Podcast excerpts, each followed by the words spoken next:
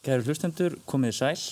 Árið 1918 tóku Íslandingar við stjórnatöfum landsins af dönum í öllum helstu megin dráttum og stofnuðu fullvalda Íslandst ríki. Í þessari þáttaröð á öld ljósvakans verður hortið þá tíu áratíð sem liðnir eru frá fullveldistökunni í ljósi fréttaflutnings á fullveldistímanum. Í dag beinum við sjónum okkar að áratíðunum 1998 til 2008 og ég fengi til liðs við mig sömu viðmælendur og fyrir viku. Gestir mínir eru þau Bergur Ebbi, Björn Malmqvist, Fríða Björk Ingvarsdóttir og Þóra Arnósdóttir. Verið velkomin. Takk, takk. takk. Um, má ég byggja ykkur um að segja hlustendum örliti frá því hverði eruð og kannski ykkar sína og landslag þessa, þessa áratugar sem að er aðeins lengra frá okkur en svo sem við rætum í síðustu ykkur. Bergur Ebbi, við byrjum á þér. Já, takk fyrir. Ég... Um Uh, hérna er svona í mínum störfum svona læt mig svona, kannski svona tíðaranda svolítið varða bæði svona í störfum sem uppistandari og pislahöndur og, og reytuhöndur og, og ég er svona nálgast hlutin oft svona út frá því mikið út frá popmenningu og, og tengslum hennar svona ákveðnar fjöldamenningar við kannski stjórnmálamenningu og svona þætti sem að rata kannski frekar í hefbundar fréttir. Og ég, mér finnst mjög gaman að vera núna komin á einhvern stað þar sem ég er að tala um eitthvað á fortíðinni sem er samt eitthvað sem ég livði líka. Þannig að maður hefur svona tvöfaldan speil á þetta. Af því að mikið af því sem ég ger ég pæli mjög mikið bara í sjönda áratögnum áttunda áratögnum og eitthvað en mér finnst mjög gaman núna að vera komin tíma þar sem ég livði og var mér svona fullorðin og þáttakandi í. Og ég veit að við erum búin að velja svona ákveðna þætti sem standa upp úr til þess að fjallum í dag en mér finnst sko fyrir mér verður þetta alltaf ég tekja þetta svona alveg frá persónulegum nótum þú veist ég er unglingur í byrjun á þessu tímabili og uh, ef við horfum bara á Ísland sko ég, meni, ég held að íslensk íslensk unglingamenning hafi breyst rosalega mikið á þessum tíma. Uh, og hérna við höfum sagt, bara 1998 er bara Ísland ennþá þetta litla óuppgöta land sem Deiman Alban heimsækir einstaklega sinnum og finnst eitthvað búið töff yfir í að vera bara veist, nánast í við lokast tífambils ja, þá erum við að segla inn í sem hérna var þetta kannski meira að fjalla um í síðustu viku sko, með runnið og fleira þá við bara segla inn í að vera einhvern veginn í fókus hérna hinn stóra heims. Og, og mér finnst bara einhvern veginn að hafa upplifað þetta bara horfa á litlu einu sína fara frá því að vera einhver, já, að, að bara sigla einhvern veginn inn í, ekkert endur að nútíman heldur bara inn í stóra samingi heimsins er það sem mér finnst gerast frá 98 til 2008 mm. það er sem stendur upp úr. Akkurat. Björn Já, ég var, að ég er ég sinni erlendum fréttum á Rúf og hérna erlendar var nú ekki byrjaður 98 á Rúf en var byrjaður að skrifa fyrir fjölmjöla og var þá nýkomið frá bandaríkjunum þar sem ég var í námi. Uh, sko, ég veit að við ætlum að tala um sko ára svona týparautötuna 2001 í, í bandaríkjunum hérna uh, núna á eftir. Og, og það er kannski fyrir mér svona sá einstaki atbyrður á alþjóðavartangi sem að sem að svona svolítið markaði, markaði næstu ár. Og heimilega bara nútíman skilur ég, ég var í Afganistan fyrir tveimur ára síðan sem er, veist, og mín vera þar er beina afleðing af, af ákvörðum bandaríkistjórnar um að fara í stríð við Talibana í Afganistan 2002 og hérna og, og, og veist, vera NATO þar núna undanfærin ár er beina afleðing af því.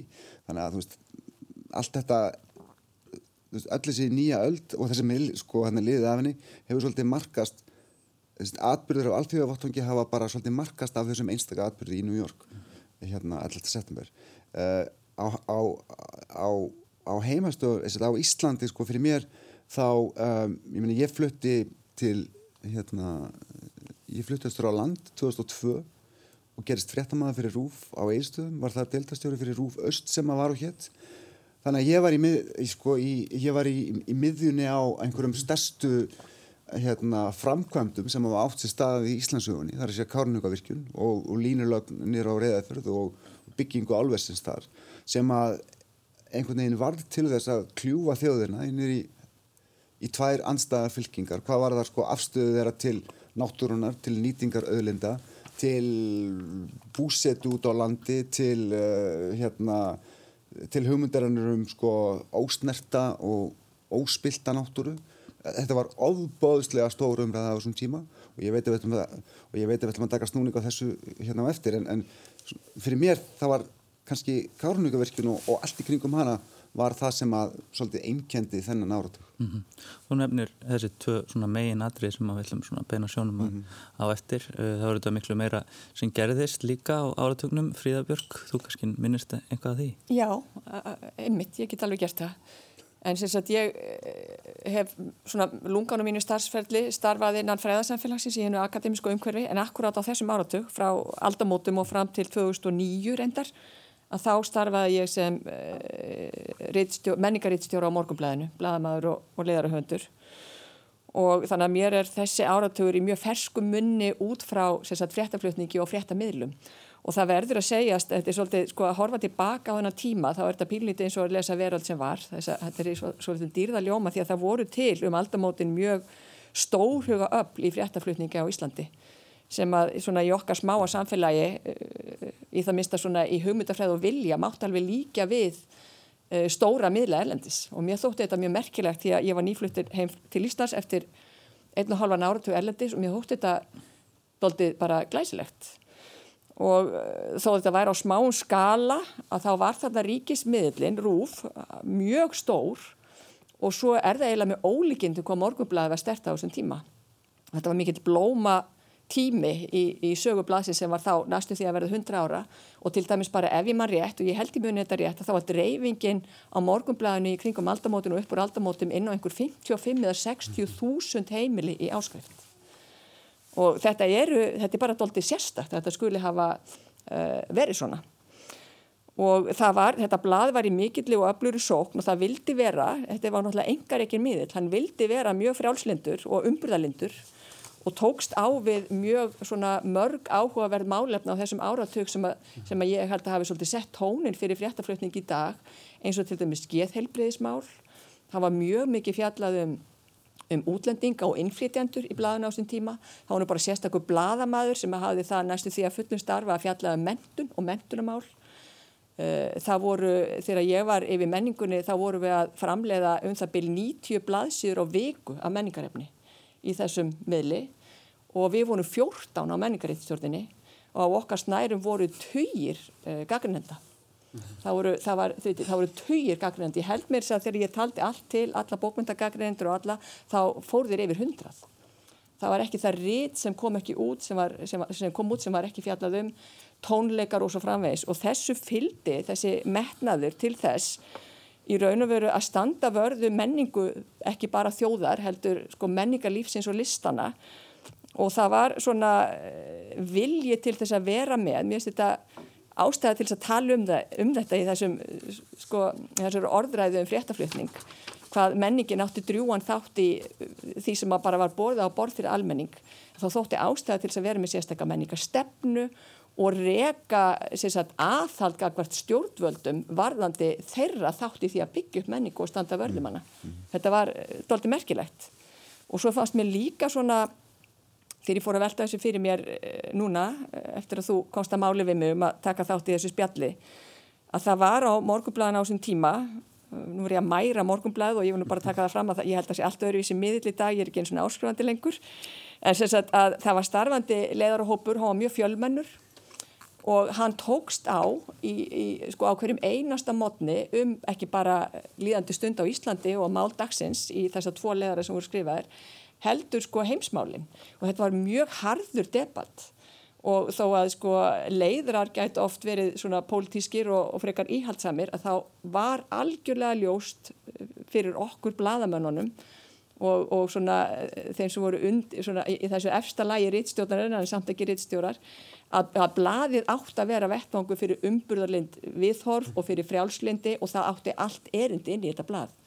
Þannig að þetta var svona, fannst mér áhugavert og, og sko mér finnst líka merkilegt þegar ég horfið tilbaka sko að minnast þess hvað þetta var mikill kallavinnstæður og hvað fjölmilar á Íslandi voru mikill kallavinnstæður en það voru þarna samhliða mér og konur sem að börðust mjög hatramlega fyrir framgöngu hvenna í fjölmilastjætt og það var ekki bara innan sagt, fjölmilana sjálfa sem að konur þurfti að hafa þessa baróttu, það þurfti líka að hafa baróttu fyrir því að konur eru gerðara viðmælendum, að konur fengju að kljást ekki bara við mjúkumálinn og poppið og fróðuna eða ég bel, sko, já ég ætla ekki að tala um sko uppeldu og heimili sem hluta af því en, en sem þetta fá að kljást við alvöru inn að gæsalappa fréttamál, svona erfiðumálinn.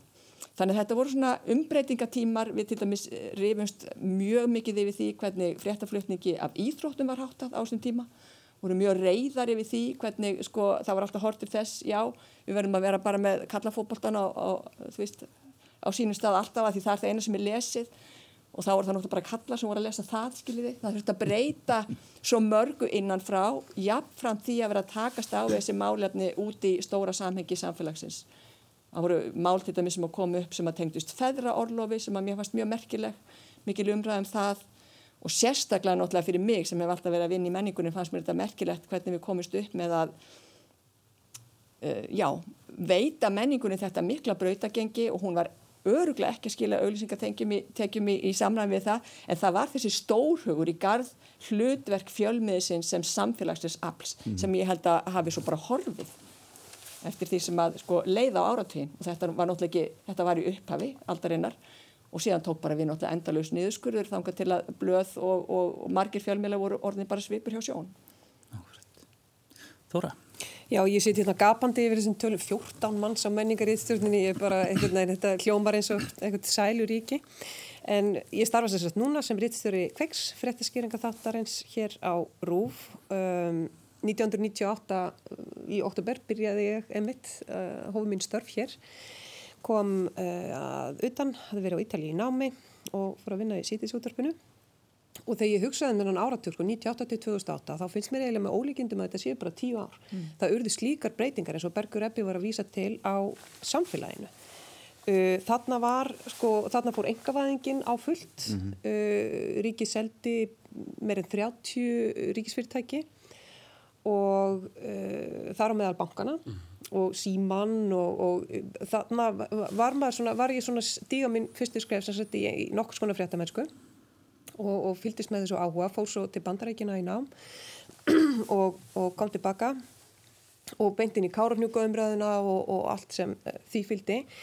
Uh, og ekki síst þegar ég fór að hugsa tilbaka vegna þess að ég stofnaði fjölskyldi á þessum árum og einmitt það sem að Fríða var að vísa til þetta er nefnilega áratugur hvernfrelsis. Mál er það að við sjáum ekki alltaf þessi litli skref sem eru tekið. Þegar uh, sko útlendingar koma málu við mig og spyrja hvernig stendur á því að Ísland er alltaf efstalista yfir yfir um, sagt, á, á jafnréttismæli hvarða saminuðu þjóðana, yfir jafnrétti kynjana uh, hvernig farið að því og það er það, það er ekki til teikning, það er ekki til neitt, þetta kom ekki að ofan og niður heldur að neðan frá og upp Nákvæmlega. öll litlu skrefin Já. þetta er eins og að breyta kurs á ólíuskipiði það er, fólk er búið að liggja þarna á sérstaklega konur og íta og íta og íta og íta og það er bara búið að taka þennan tíma en við sjáum, það, vegna þess að það er ekki einhver einn eða þetta er ekki minnisvarðið með eitthvað stjórnmálumann þá sjáum við þetta ekki alveg en ég get sagt ykkur umræðan þarna bara 98 og, og á tíundaratögnum varum það hvort fólk í sambúð og gift ætti að fá heilstagsplás á leikskólum fyrir börnin sín hvort að börn ætti að komast inn þryggjára eða fjögur eða tvei sko þetta er, þetta er ljósárum frá umræðinu núna. Og það er ekki lengra síðan en þetta var. Mm -hmm. og uh, eins og myndist á ferrarólofið og fæðingarólofsjóður sem að uh, þetta er náttúrulega, þetta er bilding fyrir fóreldra, bæði, bæði feður og maður og gerir í rauninu konum loksins kleift að eh, bara vera útvinnandi til jafs við kallmenn. Mm -hmm. Mér finnst þetta mjög merkilegt sem þú ert að segja þannig að ég held að við sem voru konur í fjölmjölum með þessu tíma, við fengum mjög mikið aðhald frá konum bara út í samfélaginu.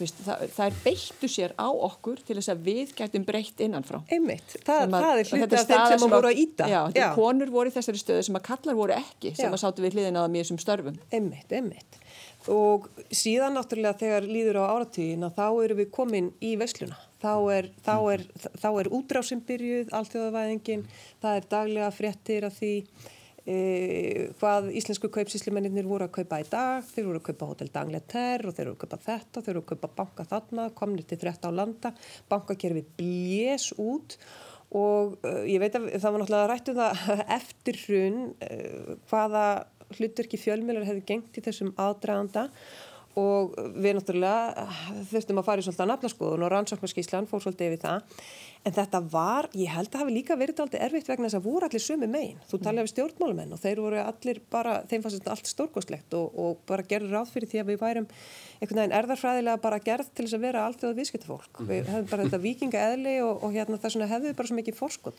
Værum ekki svona sein á okkur, við bara tækjum ákvarðanir og svo framvegs og þetta veri öfundarattir sem kemur auðvitað vegna þess að þær komu, það, það var minnst á þetta öðru hverju, hvaðan koma peningarnir, getur þetta staðist?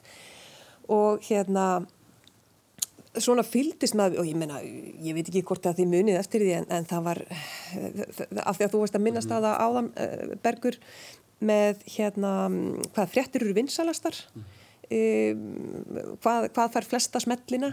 Ég meina það var umfjöldun hver er uppáðs íslenski auðmaðurinn hver á flottasta bílin um, hver á flottasta fjallaskálan uh, hver heldur flottasta ammalið og svo framvegs og svo var þetta svo voru skoðanakannanir og, og fólk beðið um álitsi þeir voru gerðir af stórstjórnum mm -hmm. og um, og þeir gerðu ekkert ránt Nei, nei, þeir gera ekkert rán. Þeir eru allir svo snjallir. Það orðið snjall var mjög mikið notað í þessu og þetta gerist allt á þessum áratug mm. frá 98 til 2008. Þetta er alveg feikilegur umbreytingar á samfélagi. En kannski partur af þessu, þetta er svo rétt semst að lýsa þessi uppgangur í veistunni sem, og, og hraðin í veistunni, hann var alltaf meir og meiri mm -hmm. en á sama tíma veiktist í raun og veru sko, allur fjölmjölastruktúr á Íslandi og hann var ver og ver í stakkbúin til þess að takast á það sem var að gerast bara vegna nýðuskurðar og það átt sér stað allstaðar mm. og sko það aðhald sem að fjölmyrar eiga að veita í samfélaginu minkaði samhliða því að þörfin fyrir aðhaldi jógst. Hárétt og það er líka vegna þess að fyrir, bara rétt í lokin að, að ég veldi líka fyrir mér bara velmentuðum bladamönnum sem að hafa kosið sér bladamennsku af æfistarfi Uh, hafa þekkingu til þess að lesa ásreikninga og lesa mellir lína, geta skilið uh, hvað krosstengslega eignin þýttu og svo framvegis og, og það var mjög erfitt að fá áræðilegar upplýsingar út af böngunum en, en merkin voru þarna samt ég menna, ef þú gast fengið þrefalt meira borgað sem pér fulltrú eitthvað mm. staðar það voru margir sem hurfur stjættin einmitt það var mikill niðurskurður, við mistum miklu reynslubólta og svo fólk sem er með þá mentun og þekkingu sem þurfti til því bara bauðst miklu betur launustörfi í öðrum mm. geirum og ég enga gera hann ekki síst fyrir ekki að. Nei, mér langar bara að skjóta inn í sko því að þetta er náttúrulega hálfreitt, þetta er áratugur þessar útrásar og bankaútrásin, hún var á þessum tíma og endaði eins og hún endaði en það var líka annars konar útrás þetta er tímin, þetta er, já það var menningarútrás líka, það var útrás íslenskara tónlistar mm -hmm. og, og hún, held, hún held áfram það var ekki trun þar. Og það er sko bara sem að dræði fram einhverju jákaða punta. Þetta tengist náttúrulega ekki kannski beint nema bara þetta sem ég voru að segja þarna í upphafi með að þarna fer Ísland inn á okkur svona alþjóðlegt kort verður einhver stærð, þá myndast eitthvað sjálfströst. Og það varð uppblásið í, þegar kemur að fjármála hérna, getu okkar. En varandi, ymsta hluti varandi menninguna hvort við höfum eitthvað sérstatt fram að færa þar eitthvað sérstakka perspektífið eða fleira það er kannski eitthvað sem var jákvægt og hefur lifað og við erum ekki enda búin að sjá fyrir endan á því. Og ég held líka að eins og ég vissum að Fríða og allir hérna eru sammála með, með er að sko frægin sem eru sáð sko þegar kemur að menningu sko þau, þau koma af því sko e, afsprengi þess eru sko svo seg, þú eru svo lengi að koma fram og lifa miklu lengur. Og það að við höfum rauninni, að, að íslenski til dæmis tónlistamenn hugsi Eh, núna að þeir geti bara allur heimurinn er þennan markaður sem er eitthvað sem fólki dætt ekki í hug fyrir hennan tíma nema bara einhverju algjöru undatæringa tilfelli það er ómyndanætt Þetta er alveg rétt hjá Bergi Ebba og þetta er ekki bara sko, áratögur útrásar íslenskar tónlistar en á alþjóðavettvögin heldur líka myndlistar mm -hmm. ekki, ekki sko síður, þetta mm -hmm. er mhm. áratögur Ólafs Eliassonar til dæmis bara mm -hmm. og, og hérna margra sem áttu mjög sterkar tengingar heim til Íslands mhm. og í raun og veru má segja að sko listgreinarnar aðrar en bókmentinnar sem við höfum alltaf haft í mhm. hávegum svo lengi að því það er svona kjálfistan í okkur menningarlífi um kannski ár hundra, hundraða skeið allt í hennu náðu hína lískreinarnar einhverju máli sem eftir var tekið erlendis og þar alveg líka hér heima. Þetta var mjög merkilegt í þeim skilningi mm og ég held að partur af því hafi verið uh, bara það, það vægi sem að menning fekk að hafa í almennru umræðu í Íslandi og, og líka þetta aðhald sem að stjórnvöndum var veitt til þess að standa vörðum um listsköpun. Mm -hmm. Ef við snúum okkur núna að kannski þessum uh, öðru þessara aðalatri sem við ætlum að ræði þættinum, það eru þetta Svolítið skrítið kannski að taka eitthvað eitt upp úr en gott að fá svona yfirlitt þá hérna þá er vissulega eitt af því eins og þú nefndi Björn sem bar hæst í íslensku fjölmjölum á þessum áratug deilur um virkjanafrankvendir á mm. káranhjúkum sem er alveg óhætt að segja hafi klófið íslensku þjóðana í afstöðusinni við grípum núna niður í svipmyndum af innletum vettfangi frá árunum 2002 og 2003. Um, það skal tekið fram að tónlistin í fyrrabrótinu er í bóði fréttastofunar og hljómar í fréttaðanálsjómasins ársins 2002. Virkjana á stóriðimál voru fyrirferða mikil í umræðunni á árinu. Drúur þingmeiri hluti var fyrir Káranhugavirkjun og þegar umhverfis á þeirra staðfesti í mars úrskuð skipulastofnunar um álver norsk hýtró í reyðarfyrði mistist það mál vera á beinu brautinni. En aðeins sex dögum síðar breyttist það skindilega. Yðnaðar á þeirra kvættir sér hljóðsi upphæfið þingfundar í dag og komið yfirlýsingu Yfirlýsingu þess efnis að vegna fjárfestninga Norsk Hydro í Þískalandi var í ljóst að tímaraminn væri knappur.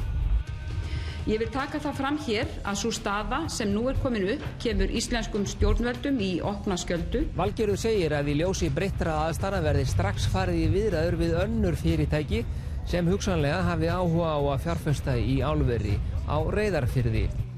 Aðeins mánuði síðar voru fulltrúar bandaríska álriðsans Alcoa komni til landsins og komnir austur á land. En við svona getum álíktað, bara við tölum við á að það tækir nokkrar vikur, svona segja kannski fram í júnimánuð, að átta sig á aðstæðum. 19. júli var undirrituð viljaeyfylýsingum byggingu álvers í reyðafyrði og stefnan sett á endanlega ákvörðun í janúar. There's a lot of work that has to occur between now and uh, January. Uh, we're very confident though that that's going to be achieved. Þessar yfirlýsingar sem að aðstofórstjóri Alcoa, John Pittsey, við hæði hér, það er náttúrulega að segja sína sögur. Það er greinlegt að hér á eigistöðum líta margir þennan dag velþóknunar augum, hér blakta víðar fánar við hún.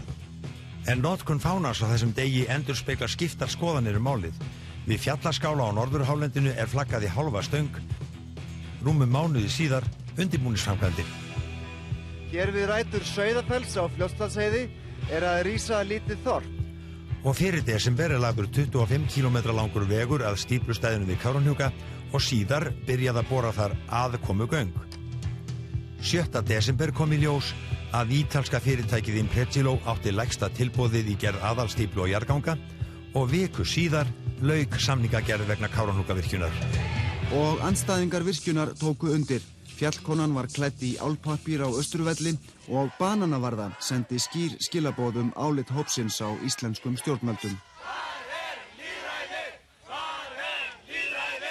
En undribúningur fyrir virkjanaframkvæmdir helt áfram þótt ekki væri búið að ganga frá samningum og í lok februar var byrjið að sprengja af alvöru fyrir Östur. Þessi bomba var, ég fæ ennþá gæsa það. Og hvað februar hvað 2003? Já, 2003. Jú, við heyrðum í raun og hérna uh, fyrst úr 13.2002 og svo bara feitaði svona inn í þegar fjöllin hætti að vaka, þá feitaði svona inn í 2003 og Björn, þú varst hérna og sást þetta gerast. Ég var hérna við gljúrið og sá fyrstu bombuna þegar hluti gljúfur bakkans var sprengtu niður í, til að undirbúa stíplugerð, uh, stíplugerð til þess að undirbúa stóru stíplugerðina og hérna þetta var mjög dramatískt móment. Uh, við vorum að ég og Hjalti Stefánsson myndatökum að hann er úfyrir austan og, og, brunuðum með þetta nýru eigistæðu og komum þessi fréttinar ég man ég skrifaði þessa frétta held ég á 7 eða 8 mínútum til þess að komin í, í sjöfréttir og hérna þetta var svona í minningunni eða semst eftir áhyggja þá var þetta bara sennilega eina, einum stærstu stundunum á mínum fréttamælafeldi þar að segja sko, sko bara það að vera viðstættur en, en líka sko hinn tákrenna merking þessa atbyrðar að því að hún, hún markaði þetta upp af að þessu ferli sem að tók mörg mörg ár og var gríðarlega umdilt tekist áhugum um þetta verkefni í mörg mörg mörg ára eftir. Uh, afleiðingarnar uh, góðar, slæmar. Ég meina, þú veist, fólk á fólk á Östurlandi hefur lengi fagnað þessum, þessum áfanga og hérna uh, en þetta er svona líka ofinberaði djúbstæðan ágræning hjá Íslensku þjóðinni um, um um veist, afstöðu til náttúrunar, afstöðu til náttúru öðlinda og hvernig skildi nýta þær hvort að óspilt náttúru að veri öðlindi í, í sjálfu sér og allt þetta. Öll þessi umræða, hún einhvern veginn, ég menna hún var til áður að, að sjálfsögðu og það hefði áður verið tekist á um umhverfisfrangandir í þessi umhverfismála á Íslandi. En þarna einhvern veginn þetta kristallaði þessu umræðu og einhvern veginn liftin upp á plan sem, að, sem hún var ekki á aður Svo gaman að sjá það sko að finna síðan brótur sögunni sem er lagsárvirkjun andan fyrir norðan, ja, það var mótmænt svo mikið þar það var nú, það var nú framið hálfgjört eitthvað sem væri kallað í dag hriðverk það voru spreng, mm -hmm. sprengjur sprengdar í tengslu með það. Og þeir komið í veg fyrir áformin, já. Já. já en það var líka auðvitað á þeim tíma það var kannski mikið deilt um erlend eignarhald. Það fór ekki tannig mikið endilega fyrir því þeirra umræða þessum tíma. Náttúruvendarumræðan er eiginlega kannski það sem stendur upp Já, hún var miklu stærri, hún var miklu stærri held ég En þetta var samt sem áður efniviður sem að eins og Björn Lýsir sko var svo, það var svo djúbstæður ákveðningur um þetta og svo mikil særeindi mm -hmm. í samtalinu um þetta í mörg herrans ár. Áður en þetta gerist og svo í, í kjálferðu og meðan þetta er að gerast. Og ég mann til dæmis eftir því að einn á, á morgublaðinu þar sem ég var að það skiptist rítstjórum bara í tvær fylkingar. Mm -hmm. og þær voru ekkit endilega flokk, flokkspolítiskar, það var mjög aðtæksvert Nei, þetta var þvert á Þetta var þvert á algjörlega og sko meiri segja innan sko bara þessa, þessa þó litla miðils að sko þvert á stefnu, ofinbæra stefnu miðilsins því að eftir mikinn barning þá held ég að morgunblæð hafi ég leiðar að komist að þeirri niðurstu að það ætti að byggja kárunhjúkavirkjun að þá til dæmis komst ég upp með að byrta 52 síðna blað helgað eftir, með, með myndlistaverki eftir Óla Veljarsson sem var bara helgað uh, andófi gegn kárunhjúkavirkjun og þetta fór nú hvert einasta heimil í landinu. Mm -hmm og þrátt fyrir að vera sagt, standa með virkjanaframkvæmdanum þá, ger, þá gerði þessi fjölmiðl þetta. Þetta var meiri segja sko prenta tvítingt þetta var prentað á ennsku líka, ég þýtti þetta. Og þetta fór inn á öll listasöfn, stærstu listasöfn heims tvíhyggjan var svona gríðaleg mm -hmm. og sömur leiðis að við komist upp með það að sko í aðdragandar með þessu að vera með 26 vikna prójekt sem var tengt Ronny Horn sem var beinlinis kallað sjónrænir eða það var kallað visual editorial svona sjónrænir leðarar þar sem hún var að gaggrína viðþorf íslensku þjóðarinnar gagvart sinni náttúru og skorta á náttúru vitund bara gagvart þessum ósnáttnu örafum og, og výðarnir sem áttum. Og þetta sko vakt ekkert endilega mikla hrifningu meðal þeirra sem voru að fá blæðinum lúna hjá sér hann margir mjög pyrraður yfir þessu. En þetta, ég man líka eftir því að það til dæmis ringdi maður frá Östfjörðin þegar hann fekk e, sagt, þetta, þetta gljúfur e, listaverk Ólas Eliassonar inn hjá sér. Hann ringdi grátandi í mig og saðist að búin að skipta um skoðun. Hann átti heim á Östfjörðin og hafi staðið með virkjunni en hann skipta um skoðun bara þegar hann fekk þetta inn. Þannig að ég held að sko Þetta, þetta voru svo mikil átök að ég held að sé erfitt að ímynda sér að önnur eins átök geti átt í stað í íslensku samfélagi þetta voru svona vatnaskil, þetta var svo stór hluti af hálendinu mm -hmm. og þetta var svo mikil skerðing á því sem var ósnortið. Og fyrir þennan tíma hafði engum eins og látið þetta sér í hug að það veri hægt að meta urð til fjár. En umræðan um það hún hófst til dæmis þarna. Og voru... kannski hefur ferðamennska bjargað viðerlunum skiljiði á endanum en það gerist ekki fyrir tíu ára setna.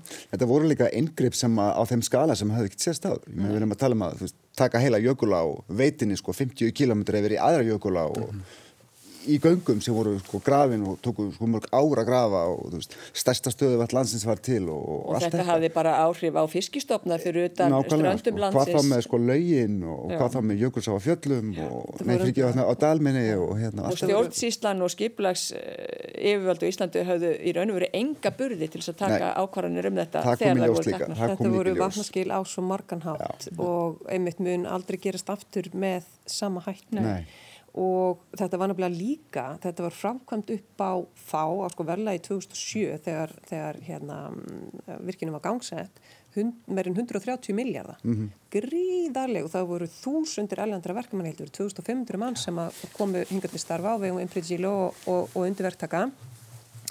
Og Þig, þetta er, er upphafið að endalókunum að því leiti að þetta er náttúrulega sama tíma, 2003 eru, eru bankanir engavættir, tók ekki ekki maður fimm ára að blása það út og, og hérna, sprengja blöðurna en e, þarna flæðir erlandfjármag mhm. inn í e, indilandsins og þá byrja spekulasjónar, þá byrjar mhm. hérna, þá eru menn byrjaðir að hérna, hugsa með sér hvernig, það vita náttúrulega hvað áhrif það hefur gengið krónar, af því að nú eru við öll hagfræðingar uh, og, og þarna byrjar þetta þetta er upphafið af hruninu í mhm. sjálfu sér mm -hmm.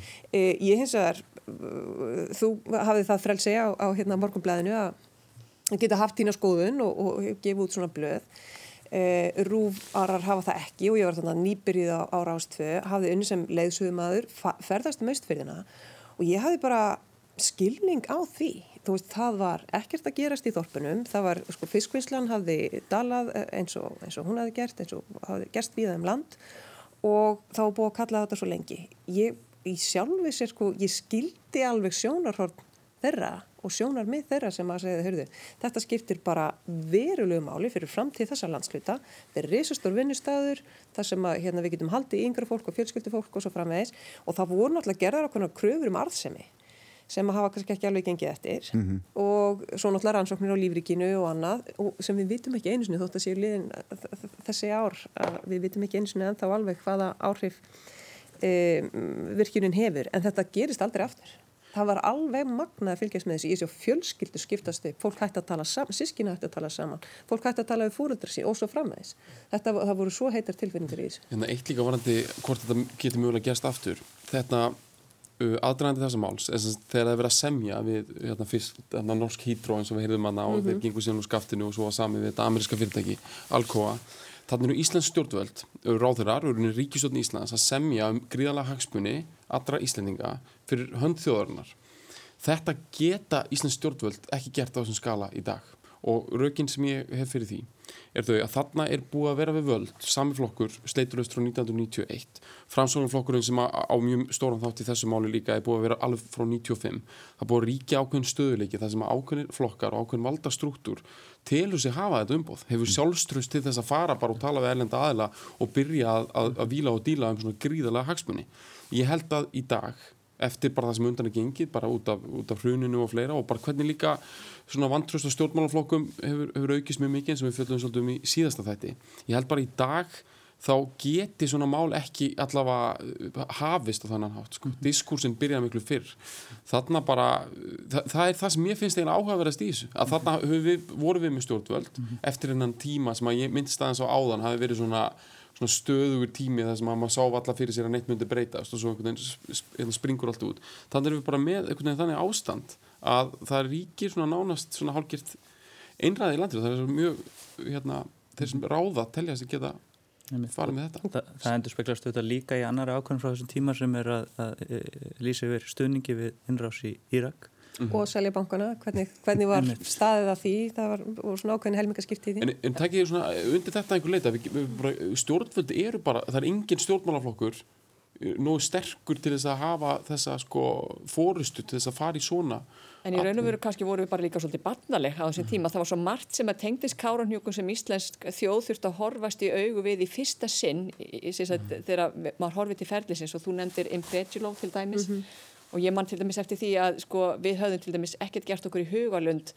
að erlendar vinnumiðlanir væri að leia verkamenn mm. í stórum stíl erlendis frá til þess að vinna þessa vinnu. Munið til fréttum um okkur að fara með verkamenninu Kínverjana til dæmis sem að, já, fólk var að sapna sokkum úr kaufilæginu til þess að komi veg fyrir að tár, tæra mönnum kílu af og svona. Mm -hmm. Viti, þannig að það var svo margt sem að tengdist þessu sem var svo mikil, mikil svona veruleika tjekk fyrir íslenska þjóð. Við mistum svolítið sakleysi við þetta, já, Þrjú banaslýs á byggingatímanum og það voru alls konar svona atriði og á sama tími er að koma til dæmis í ljós það er að verða bara þessar vendingar í áliðnað í heiminum og, og sko þetta gamla álfélag sem við höfum svona kannski náð einhverjum sáttum við í Strömsvík var að breytast og allt í einu gerur fólk sér grein fyrir því að að hagnaðurinn og arðurinn af álinu fer kannski ekki endilega til Íslands skatta umhverfið er að breytast mm -hmm. þetta var svona mikil eh, mandómsvíksla heldur fyrir bara íslenska stjórnsýstu og íslensk samfélag.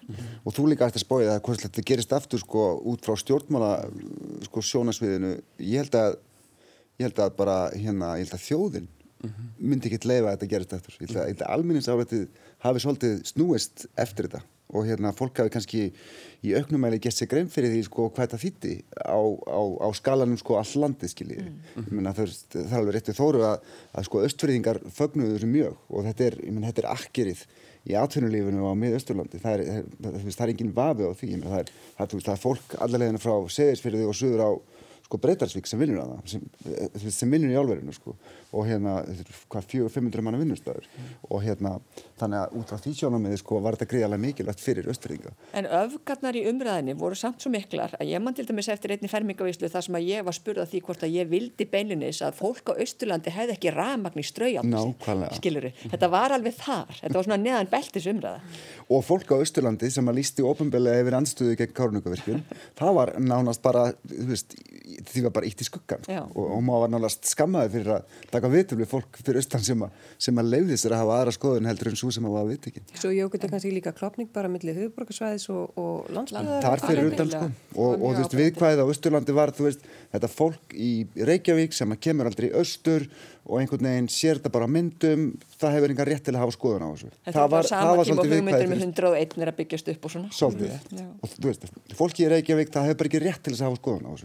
og það var svolítið viðkvæðið og verið að marka setja Ísland þarna og Reykjavík sérstaklega þú veist, minna, bókin hans Hallgríms og, og myndin hans Baltasars og, og þú veist, allt þetta þarna er og Damon Alban sem vorum að tala um þú veist, þessi tíðanandi með hana mm. barlífið í Reykjavík, þar verður eitthvað glóri sko, eitthvað glóri yfir því og, og Íslands tónlistar útrás og eitthvað. Þetta er, er, er hluti af þessu líka og svo komu líka erlendi mótmælendur og, og hlekkjuðu sér við vinnuvélar og þetta, þetta náði nefnilega út fyrir landstæðina mm -hmm. og listamenn voru mjög öflugir, erlendi listamenn ég mótmæla uh, Káran Hjúkavirk ég man eftir því til þess að hafa staði með Matthew Barney í sko turbínstæðinu inn í fjallinu sem var mjög merkilegt og fólk sótist eftir því að fá að koma til Íslands til þess bara að upplifa þetta og sjá þessar hamfarir og vildi standa vörð um þetta sem að var á þessum tíma stærsta výðerni í Evrópu mm. og er það ekki lengur. Nei, nei, það er verið. Hefur við að fara að ljúka þessum kapitula kannski og, og snú okkur að svona alþjóðlegum fréttum, erlendum fréttum. Um, þegar við talaðum um vatnaskil, það verða sannarlega vatnaskil á alþjóða vettfangi með hriðverka árásunum á New York og, og Washington árið 2001 heimurinn gjör breytist uh, má alveg segja uh, og, og í kjölfarið fylgir svo þetta svo kallega strík gegn hriðverkum mm -hmm. uh, sem að stendur sennilega bara ennþá enn þann dag í dag um, við skulum grípa niður í auka fréttatíma útafsins klukkan 14 þriðudaginn 11. september 2001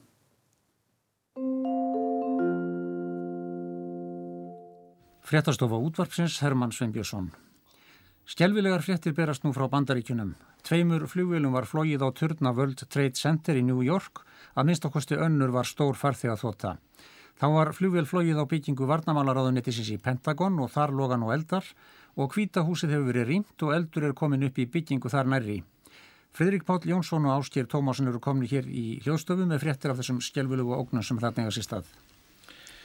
Enn er mikið öngfeiti í New York borg og ekki ljóst hva, hversu margir hafa farist.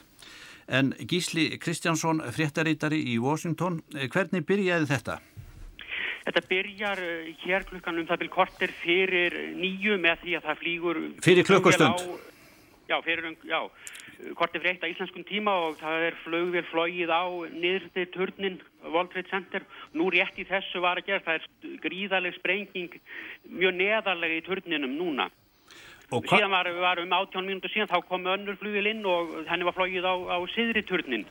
Þannig að báðir turnanir standa nú í ljósum logum og það var svona núna rétt í þessu gríðarleg sprenging eh, niður undir jarðhæð. Þetta gerðist fyrir klukkustund gísli um nýju leitið var margt fólk Já. komið inn í turnana og er vita hversu margir hafa farist eða eru í lífsættu á þessari stundu?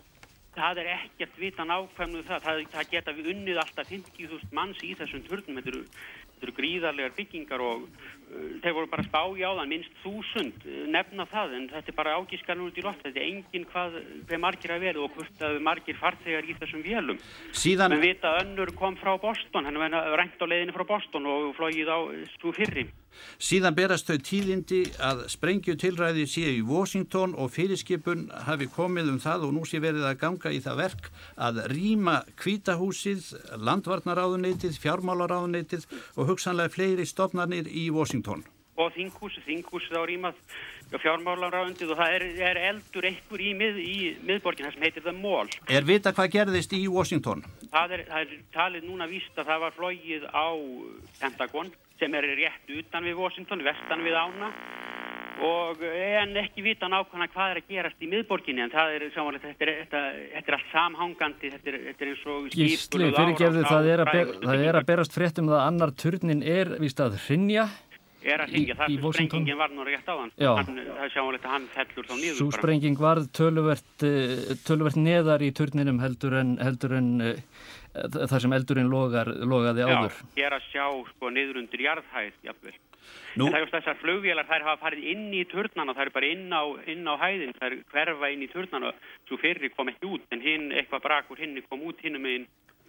Þetta er sláandi að hlusta á þetta svona aftur, er það ekki? Já. Sannarlega, ég var, ég man, bara nákvæmlega, ég satt hérna uppi á annar hæðinni, mm. bara við vorum búin að undirbúa eitthvað þátt fyrir sítiðs útarpið og, og svo einhvern veginn smátt og smátt þá gerir fólk sér grein fyrir því, býtu hvað er þetta að gerast í alveg? Og reyna að kalla til einhverja sérfræðinga, það veit engin neitt. Þetta er upphafðið að e, ótrúlegum hlutum mm -hmm. af því að öll eftirmálin eru, við erum enna glíma við þau. Ég bara, þetta, það, já, eins og ég segi, það var, ég, maður átti að segja ekki á því þarna hvað þetta þýtti. Þetta var náttúrulega, það var vísa til þess að viðbyrða sem árásar á síðmenninguna. Mm -hmm. Og ég held að það hafi verið eitthvað svona sem að var sko vestrænum þjóðum mjög ofalega í huga. Mm -hmm. Og þetta breytti pólitíska landslæðin í bandaríkjónu varanlega. Mm -hmm. Bandaríkin hafa verið annars eðlis hvað var það til dæmis hugmyndir um bara personuvend og eftirrið með einstaklingum síðan þetta gerðist sem hefur síðan náttúrulega uh, breytt aðstæðum á öðrum stöðum á jarðakringlunni líka og það eftirrið sem til dæmis er haft með fólki í dag hefði verið óhugsandi fyrir, fyrir sagt, tíma típraturnana mm. réttlætingin kemur í raun og veru úr þessum atbyrði og mér erst líka bara sko, þessar breytingar sem við öll finnum fyrir á, á ferðavennjum og og því að fara í gegnum flugvelli og örgiskeslu og, og öllu því þetta kemur allt hann í kjölfarið. Við upplýðum okkur doldi örug það, þetta tekur frá almenningi örgið á heimsvísu með einhverjum hætti. En svona ef maður sko horfir svo á hina hlýðina að þá fannst mér í kjölfar eh, þessa viðburðar og þeirra svona farið að gera þetta upp með hvaða hætti tökumst við á við annan viðburð það, þetta, hvernig þetta hefur breytt okkar heimsmynd Eh, þarna kannski bara á næstu tveimur árum og eftir þá gaf þetta líka tilhefni til þess að endur skoða viðhorf okkar til stærri heimsmyndar en við höfum verið að glýma við hér á landi. Við þurftum allt í unna að fara sko, að gera upp hug okkar varðandi til dæmis bara kynþáttafordóma, trúabræðafordóma, við höfum ekkert verið að pæla í þessu. Mm -hmm. Þú veist, hvort við værum fordómafullið ekki. Mm -hmm. Og þetta held ég að hafi orðið til þess að Íslandingar til dæmis sem eru náttúrulega mjög svona einsleitt samfélag og svona kannski miklir eigaskeggjar í hugsunarhætti að við þurftum bara einhvern veginn að setja okkur í það stellingar að fara að skoða heiminn í starra samhengi og það út af fyrir sig var ekki neikvægt en þetta hafi gríðarlega ár, mjög þetta, aldrei var ríkt. Þetta er mjög góða punktur sem Fríða kemur með, einmitt þetta með sko afstöðut okkar til, til, til, til fólks sem er öðruðu sem við, mm. uh, afstöðu okkar til muslima, afstöðu okkar til, hérna, til fólks sem að, sem að kemur frá sko arbi, frá, frá miðastöðlöndunum og, veist hluti af því sem við erum að kljást við í dag á einmitt veist, á sér rætur nákvæmlega í þessu og afleiðingum sem að örðu eftir þetta.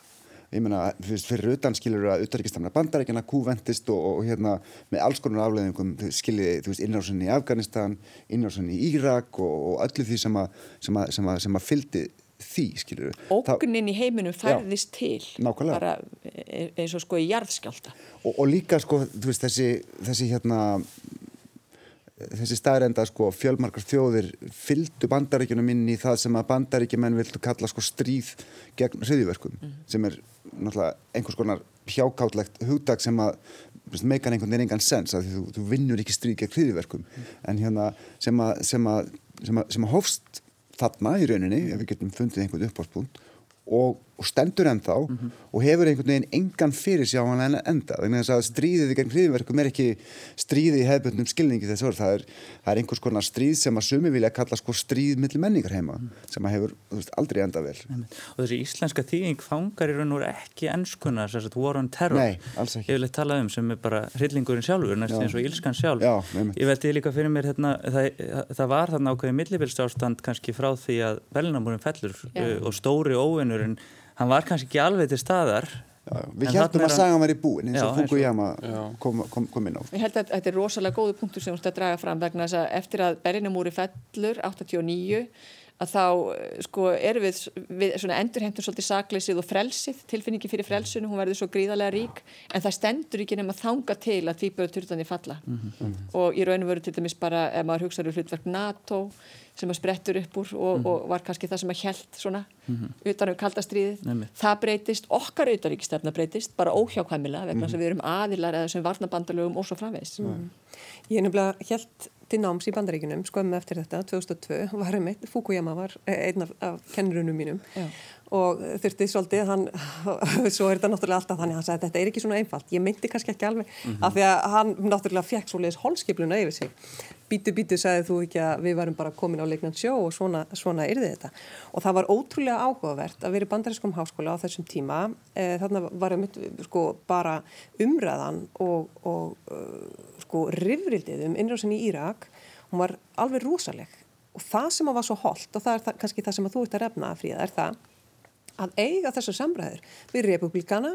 Sem að ég hafi bara lítið kynst áður mm -hmm. og að heyra sjóna með hvaðan komaðu, af hverju finnst þér þetta ég segi bara Írak þetta er einræðsríki, hann er viðbjörnslega einræðsherra hérna Íraska þjóðin hefur liðið undir honum það er komið tími til að taka þennan mann út e, og, og svo segir þeir, hvað ætlað þú að gera? ætlað þú bara að býða og sitja?